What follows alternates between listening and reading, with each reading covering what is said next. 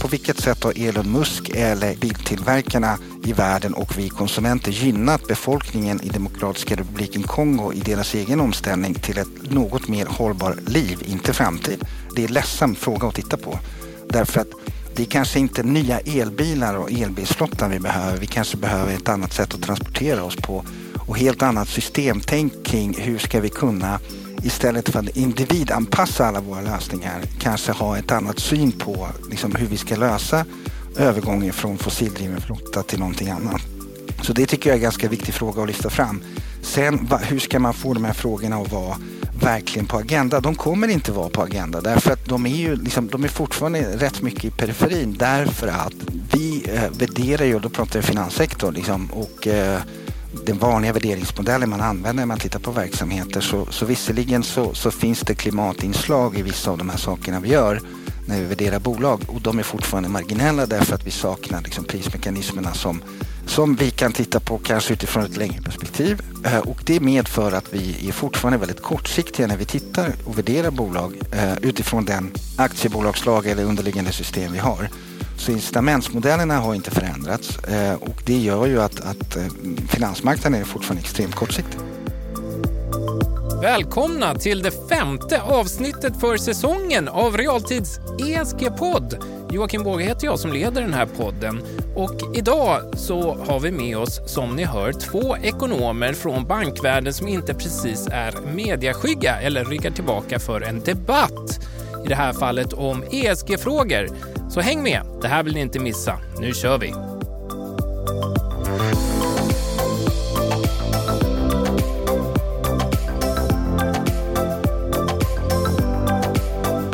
Jag säger då välkommen till Robert Boye, chefsekonom för den statliga bolånebanken SBAB och doktor i nationalekonomi som är med oss här för första gången i studion. Tack för det. Och jag säger även välkommen till Sascha Beslik, numera hållbarhetschef för danska PFA Pension och författare av boken Where the Money Tree Grows som är med oss på länk. Välkommen! Tack, tack. Ja, ni har båda skrivit kröniker på realtid om hållbara finanser. Och eh, därför blev eh, ni inbjudna här också för att diskutera lite mer om det. Om vi börjar med din krönika, Robert, så handlade den om att beskatta användningen av fossilbränslen och eh, prissätta utsläpp av koldioxid som det effektivaste sättet för att fortsätta driva ekonomin mot tillväxt och samtidigt minska utsläppen, var det någorlunda korrekt uppfattat? Ja, men det tycker jag absolut. Ja. det här har ju nationalekonomisk forskning visat egentligen sedan många år tillbaka i tiden och vad man har visat i senare uppsatser här också de sista åren det är att, att om man skulle införa en koldioxidskatt eh, på ungefär samma nivå som vi redan har gjort i Sverige, om alla länder skulle göra det, ja då finns det en ganska stor sannolikhet att vi skulle kunna nå faktiskt eh, Parisavtalets mål om en högsta uppvärmning om 1,5 grader det här århundradet. Jag menar också att krav på ekonomisk nolltillväxt som lösning på klimatkrisen eh, det kommer högst troligt att minska och inte öka sannolikheten för nödvändiga utsläppsminskningar. Och varför det då? Jo, för att om relativt eh, fattiga länder ska få en chans att komma ikapp rikare länder ekonomiskt och då tillåtas ha en positiv ekonomisk tillväxt så skulle ju krav på global nolltillväxt innebära negativ tillväxt i många andra länder så att säga. Jag tror att det skulle vara väldigt, väldigt svårt att skapa acceptans för det bland, bland väljare och vara lockande för politiker att gå till val på. Dessutom är det så att, så som du var inne på, att den teknik som vi ändå nu har fått fram när det gäller liksom miljövänlig teknik och som kan användas då för att få ner utsläppen, det är helt osannolikt, osannolikt att den tekniken skulle ha utvecklats med krav på nolltillväxt. Då släpper vi in lite Sasha på det här. Då. Vad, vad, vad säger du? Håller du med Robert om att eh, de som förespråkar nolltillväxt inte har någon godtagbar lösning på, på klimatfrågan? Alltså att eh, vi måste förespråka en, en tillväxt i ekonomin för att det ska finnas incitament att, att gå mot en eh, eh mera hållbar ekonomi. Men jag är ju förespråkare av det jag kallar för ekonomisk utveckling och inte tillväxt per se.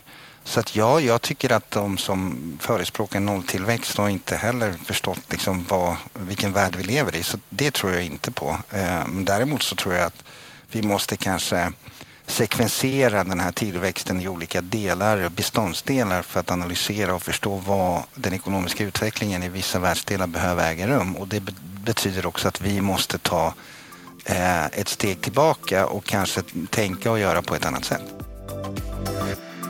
Robert, du tog också upp eh, som exempel i din krönika att eh, ja, väsentliga steg har tagits eh, emot det här och att man inom EU-samarbetet e och även inom G7-länderna kommit överens om en internationell miniminivå på en annan skatt, nämligen bolagsskatten, eh, som ett exempel då på att de här internationella samarbeten faktiskt kan funka. Vill du utveckla lite vad det handlade om? Ja, men alltså ett vanligt argument hos framförallt icke ekonomiskt skulle jag säga då, det är att det är naivt att tro att man globalt ska kunna komma överens eh, om att beskatta användning av fossila bränslen eller, eller prissätta utsläpp av koldioxid.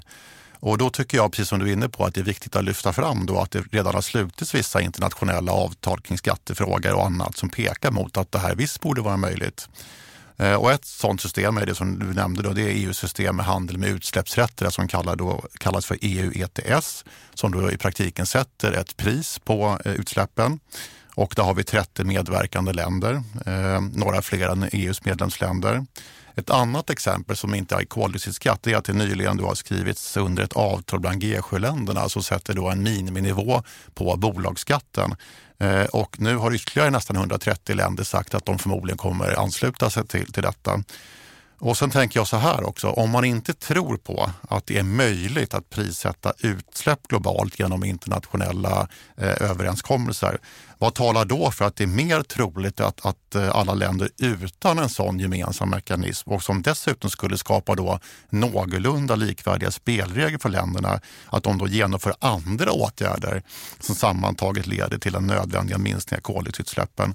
Och vilka är de samhällsekonomiska kostnaderna av dessa alternativ då jämfört med att prissätta utsläppen? Det här är frågor som jag inte har sett att andra forskningsdiscipliner vid sidan av den ekonomiska har tillhandahållit några vettiga svar på då bort, eh, bortanför det rent tyckande. Mm. Sasha, vad tycker du om det? Ja, jag vet inte. Liksom, det, är också, det låter ju så otroligt förträffligt bra att vi äntligen nu efter 200 år av marknadsekonomisk modell som vi har haft har kommit fram till att vi ska ha gemensamma skatteregler, vilket är väldigt bra och att vi ska kunna prissätta externaliteter på ett sätt så att vi kan faktiskt prissätta det som är bra och eh, prissätta det som inte är bra. Eh, däremot så, så, är jag lite tveksam över... Jag hoppas att det här kan eh, växa till sig och bli en global eh, företeelse eller överenskommelse men två viktigt, st riktigt stora ekonomier som egentligen bestämmer rätt mycket vad som händer i världen. Eh, Kina och USA är fortfarande inte med på noterna när det gäller det här. Nej. Och, och det är kanske det som behöver hända för att vi verkligen ska ha en chans att göra det här. Robert? Ja, men jag, jag, tror det är viktigt att skilja på liksom vad, alltså först reda ut vilka typer av policyåtgärder skulle kunna lösa det här problemet och vad är liksom sannolikt att det kommer till stånd. Eh, jag menar, om man som Sasha då tror att, att det, att man, att det liksom inte vare sig USA eller Kina är intresserade av att införa en koldioxidskatt så måste man återigen då ställa sig frågan, ja, men vad är alternativet? Finns det andra möjliga lösningar som leder till en lösning på klimatproblemet? Och har man liksom inget svar på det, då står vi där och stampar så att säga. Så jag tror det är viktigt att skilja på de här två frågorna. Nej, men jag är ju helt på att eh, och förespråkar också att de ska ansluta sig till det här och göra det här. Men det är lite svårt att se hur det här ska gå till eh, rent praktiskt. Eh, väldigt svårt att se hur USA kommer att, genom att införa den här typen av skatt, straffa ut liksom stora delar av sin näringsliv som extremt koldioxidintensiv. Och samma gäller Kina. Absolut. Så att det, det är liksom, det, vi måste se det liksom för vad det är. Jag är helt enig med dig att det är precis det som behöver hända och jag är förhoppningsfull att det kan hända. Mm. Men realiteten i det, där vi befinner oss, det är liksom någonting som, som talar att det här kan bli väldigt svårt. Ja, men, mm. men då är du också pessimistisk så att det överhuvudtaget går att lösa problemet även med andra åtgärder.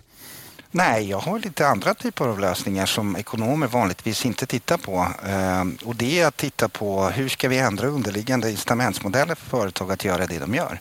Till exempel att vi eh, ändrar aktiebolagslagen och tillför helt annan dimension på vad företag företagsledning ska vara ansvarig för. Och det intressanta i, i det sammanhanget skulle kunna vara att se hur ehm, förändringar i aktiebolagslagen skulle kunna styra också sättet hur man prissätter externaliteter som man påverkar genom sin verksamhet, vilket man i dagsläget inte gör. Men om det ska vara en lösning då har vi lite samma problem som gäller då för koldioxidskatt och andra regelverk. Då måste ju det gälla i andra, alla länder och inte bara i Sverige. Nej, men självklart, jag pratar inte om att man ska ändra aktiebolagslagen bara i Sverige utan att man ska, eh, liksom den debatten har ju pågått i EU under en ganska lång tid. Men efter att kommissionen började diskutera aktiebolagslagen eller, eller motsvarighet eh, för eh, företag i Europa så fick de in, jag tror att 50 000 eh, kommentarer och invändningar eh, att röra det här. Mm. Så det vi ska i princip göra det är att vi ska fortsätta liksom göra det vi gör med de verktyg vi har och lösa det problemet som vi har skapat med de verktygen. Och för mig låter det som en ganska, ganska mäktig utmaning. Ja. Sasha, du skrev ju också en krönika i realtid nyligen där du pratade bland annat om COP26 och eh, att din slutsats var att det kokade ner till en konferens om vem som ska betala för vårt icke hållbara ekonomiska system idag och att de rika länderna och de fattiga länderna vill ha, eller de rikare länderna vill skydda det de har och de fattiga länderna vill ha betalt för bördan av omställningen om det är så att de ska bära eh, den ekonomiska påfrestningen. Kan du utveckla lite vad det här handlade om i dina egna ord? Ja, men det, alltså, I slutändan så handlar ju många av de här COP-mötena, jag har ju varit på några stycken, de handlar ju i slutändan om finansiering och pengar. Mm. Det handlar ju om hur man ska liksom fördela ansvarsbördan men också hur man ska fördela kostnaderna. Och eh, det är ju någonting som har präglat egentligen den här senaste COP i, Glasgow ganska, i mycket större utsträckning än tidigare. Det har varit mycket, mycket mer tydligt att det är det det handlar om. Eh, hur ska man liksom komma överens om finansieringen av den här omställningen och vem ska bidra till den och vem ska ta smällen så att säga finansiellt för det här? Vi är alla medvetna om att det finns väldigt stora möjligheter att det, det är omställning och massa industrier och i Sverige har vi så kallad grönstål och vi har massa andra saker. Men den stora frågan, den stora elefanten är ju att, att västvärlden måste ju någonstans vara beredd att ta den kostnaden som, som innebär att vi har den livsstilen vi har och att vi har de, den påverkan på klimatet vi har i, i jämförelse med, med utvecklingsländer. Och vi är fortfarande kanske inte helt och hållet beredda att göra det. Du lyssnar på Realtids ESG-podd med mig, Joakim Båge. Vad tror du då Sasha, kommer de här fattiga länderna kunna ställa om till någonting mer eh, klimatsmart och samtidigt då ändå växa och konsumera och, och ta sig in i, i det ekonomiska systemet så som det ser ut idag? Nej, men det tror jag att de är tvungna att göra. Frågan är bara hur snabbt de kan göra det här. Och givet liksom, den demografiska bilden som finns i de här länderna och volymerna i termer av befolkningen så är det lite svårt att se. Liksom Indien det, vad är det, 33 procent av Indien har inte ens elektricitet idag. Och eh, frågan är liksom hur, hur får vi de stora länderna att ställa om på det sättet vi någonstans upplever att det behöver göras. Eh, och ta den kostnaden för den omställningen utan den hjälp som vi någonstans kanske behöver ge dem för att göra det här. Och det, det är ju liksom, det är där det ligger. Det är hela, hela debatten kring omställningen ligger ju inte att vi i Sverige ska alla köra elbil. Alltså visserligen så, så har det sina egna implikationer här också. Men det handlar ju hur ska vi få de stora länderna i Sydostasien, Kina och Indien framförallt, men också i andra världsdelar, USA som är väl utvecklad, utvecklad ekonomi, att ställa om. Och vem är det som ska ta den alltså prislappen för det här? Hur ska man göra det? Håller du med om det Robert? Absolut. När det gäller hur vi ska nå den här omställningen på liksom ett någorlunda liksom jämlikt sätt så är det viktigt att vi i utvecklade länder absolut ställer upp med medel till mindre utvecklade länder för att de kan göra nödvändiga investeringar och också bidra med teknik och andra saker. Så att absolut, det här är en sak jag verkligen håller med om. Om vi talar då om övergången från fossilbränslen till hållbara energikällor då till exempel. Måste det ske på bekostnad av ekonomisk tillväxt då? Jag tänker ju att eh, världens rikaste man, för att ta ett extremt exempel, Elon Musk har ju gjort sin förmögenhet i stor del på just den här omställningen.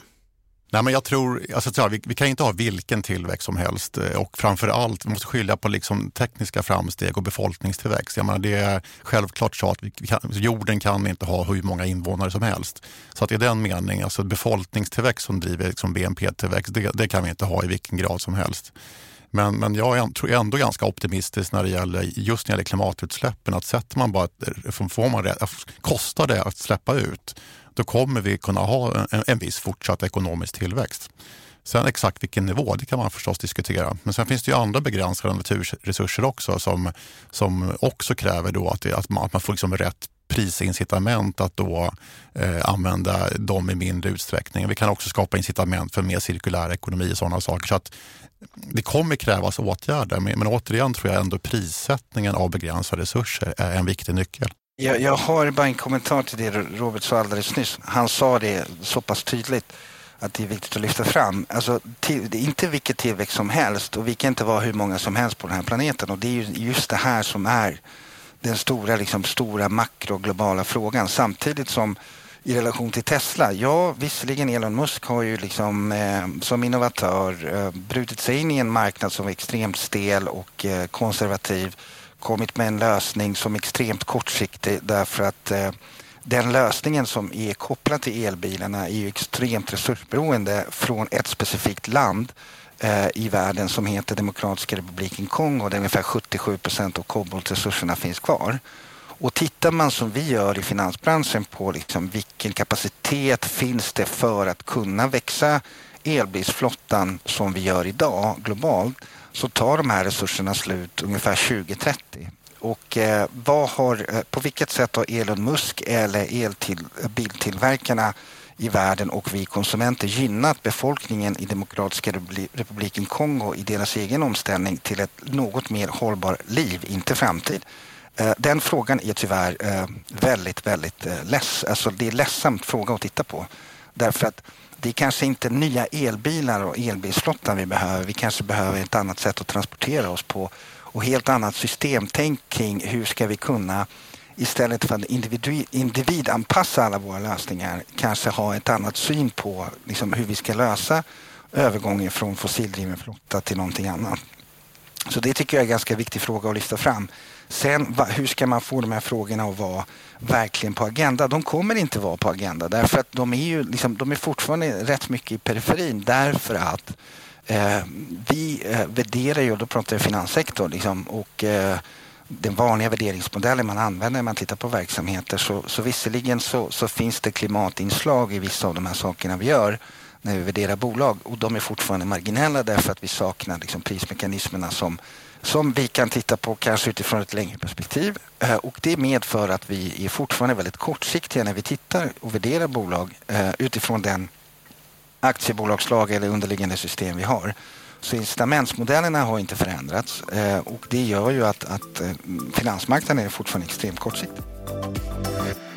Robert, vad kan ni som bank göra som sysslar med bolån för att påskynda den här gröna omställningen inom bostads och byggsektorn? Om vi skiftar fokus lite från då elbilar till exempel då till, till eh, bostad och bygg som ändå är en stor eh, sektor när det gäller just koldioxidutsläppen. Mm. Ja, men vi kan göra och gör också en hel del saker. Förutom då att vi liksom bedriver en allmän kunskapsspridning om klimatproblemen och klimatrisker då kopplade till kundgrupper inom extra känsliga klimatriskområden så har vi tagit fram ett antal olika eh, gröna produkter som riktar sig både till, till våra kunder och investerare. Och eh, hur arbetar ni då mot investerare om vi börjar där?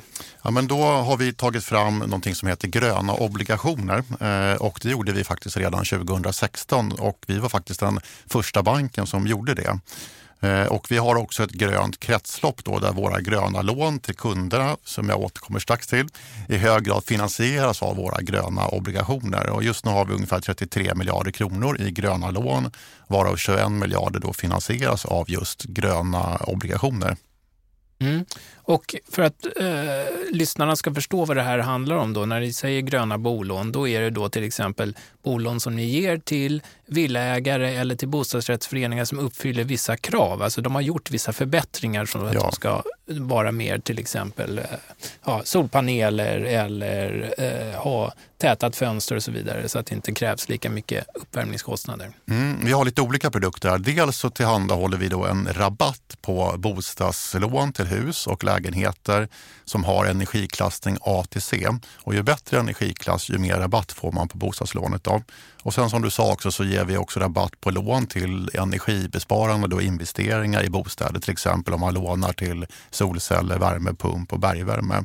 Och sen har vi också gröna investeringslån till bostadsrättsföreningar som, som vill energieffektivisera. Och sen jobbar vi också med att ta fram en produkt mer specifikt för företag som, där, som vi inte riktigt framme med än. Då.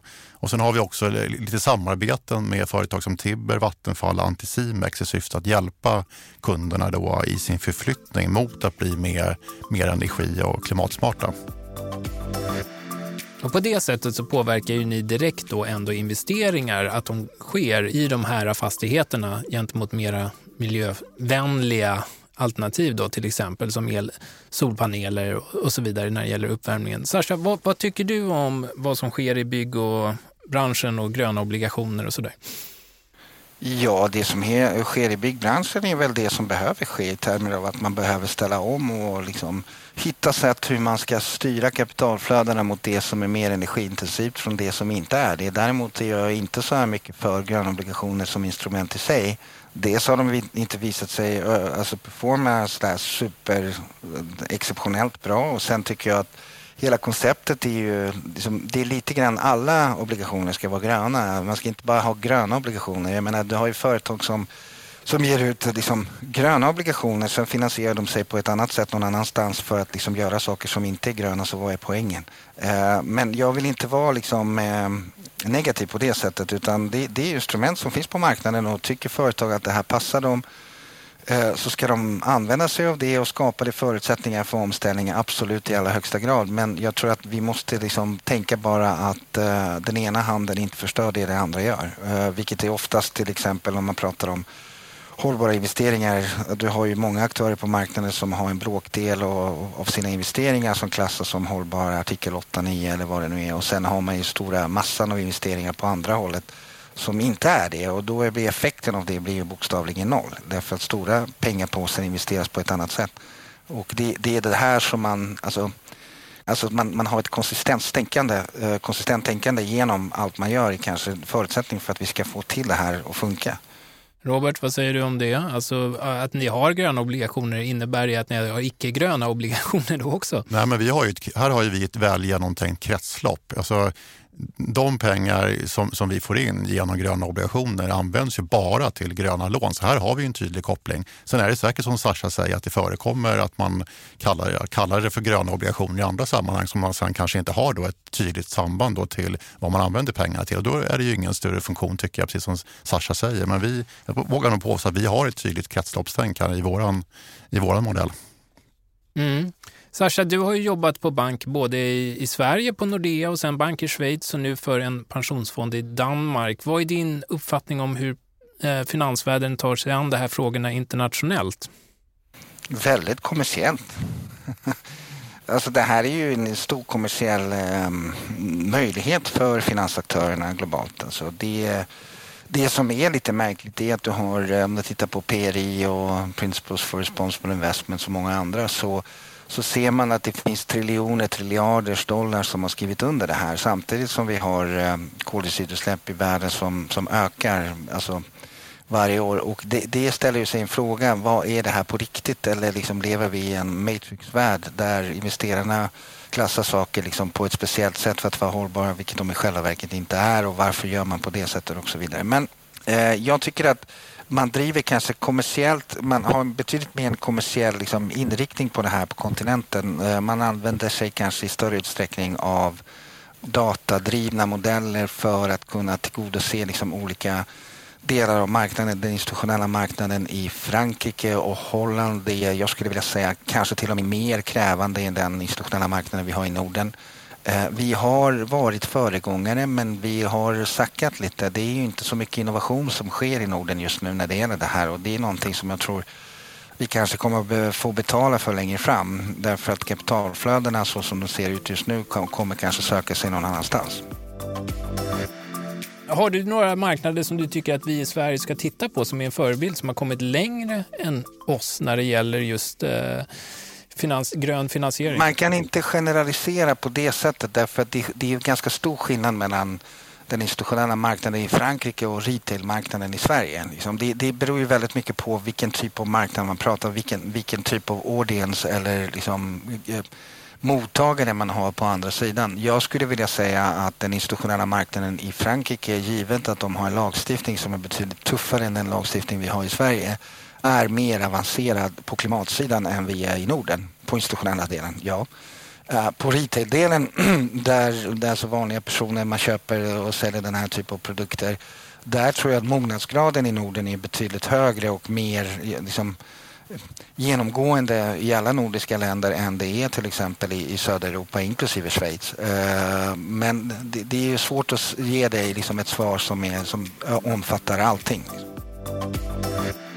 Vi börjar närma oss slutet på den här podden, men med tanke på att jag har med mig två stycken potentater som er, vad är era spaningar när det gäller ESG-trender? Vad är de trenderna som kommer att ha störst genomslag 2022? Om jag börjar med dig Robert.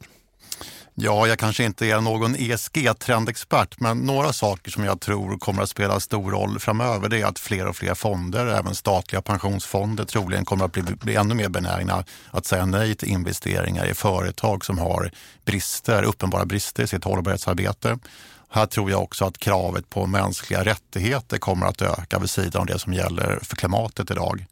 Och det här kommer i sin tur att sätta press på de som förvaltar fonder att ändra beteende och också bli mer transparenta om, och, och, kring vad de gör själva då för att bidra till hållbarhet. Och vid sidan av det här så tror jag också att två nya regelverk inom EU faktiskt kommer att spela en ganska stor roll för utvecklingen inom det här området. Dels SFDR som syftar då till att styra finansiellt kapital mot mer hållbara verksamhet genom att öka kraven på transparens i vad man investerar i och genom att även få bort det här man kallar för greenwashing. Och dels EUs så kallade taxonomi eh, som syftar till då att klassa olika näringsverksamheter som hållbara eller inte. Så det, det är några saker man kan lyfta fram.